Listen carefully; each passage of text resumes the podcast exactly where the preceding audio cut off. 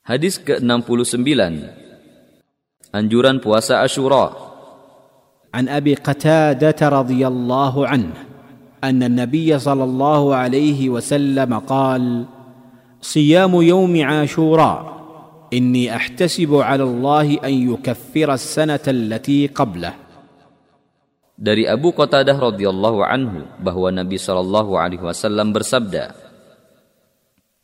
Puasa hari Ashura yaitu ke-10 Muharram sungguh saya berharap pahala dari Allah agar menghapus dosa setahun yang lalu.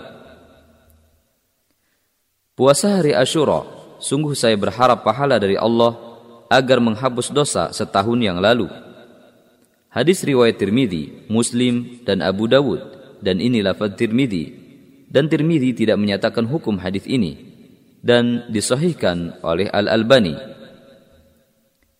Perawi hadis, lihat hadis nomor 15. Beberapa faedah hadis ini adalah Hadis ini menganjurkan untuk berpuasa Ashura karena Allah telah memberi kita satu hari ini sebagai penghapus dosa semuanya. Maksudnya dosa-dosa kecil, bukan dosa-dosa besar. Disunahkan puasa hari ke-9 dan ke-10 Muharram karena Nabi berpuasa hari Ashura dan berniat puasa hari ke-9 yaitu Tasu'a. Namun tidak makruh jika hanya berpuasa Ashura saja. Puasa Ashura memiliki tahapan. Pertama, berpuasa hari Ashura saja, yaitu hari ke-10 Muharram.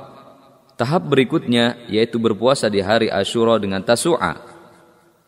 Dan setiap kali ia berpuasa lebih banyak, maka dan setiap kali ia berpuasa lebih banyak lagi pada bulan Muharram, maka lebih utama dan lebih baik.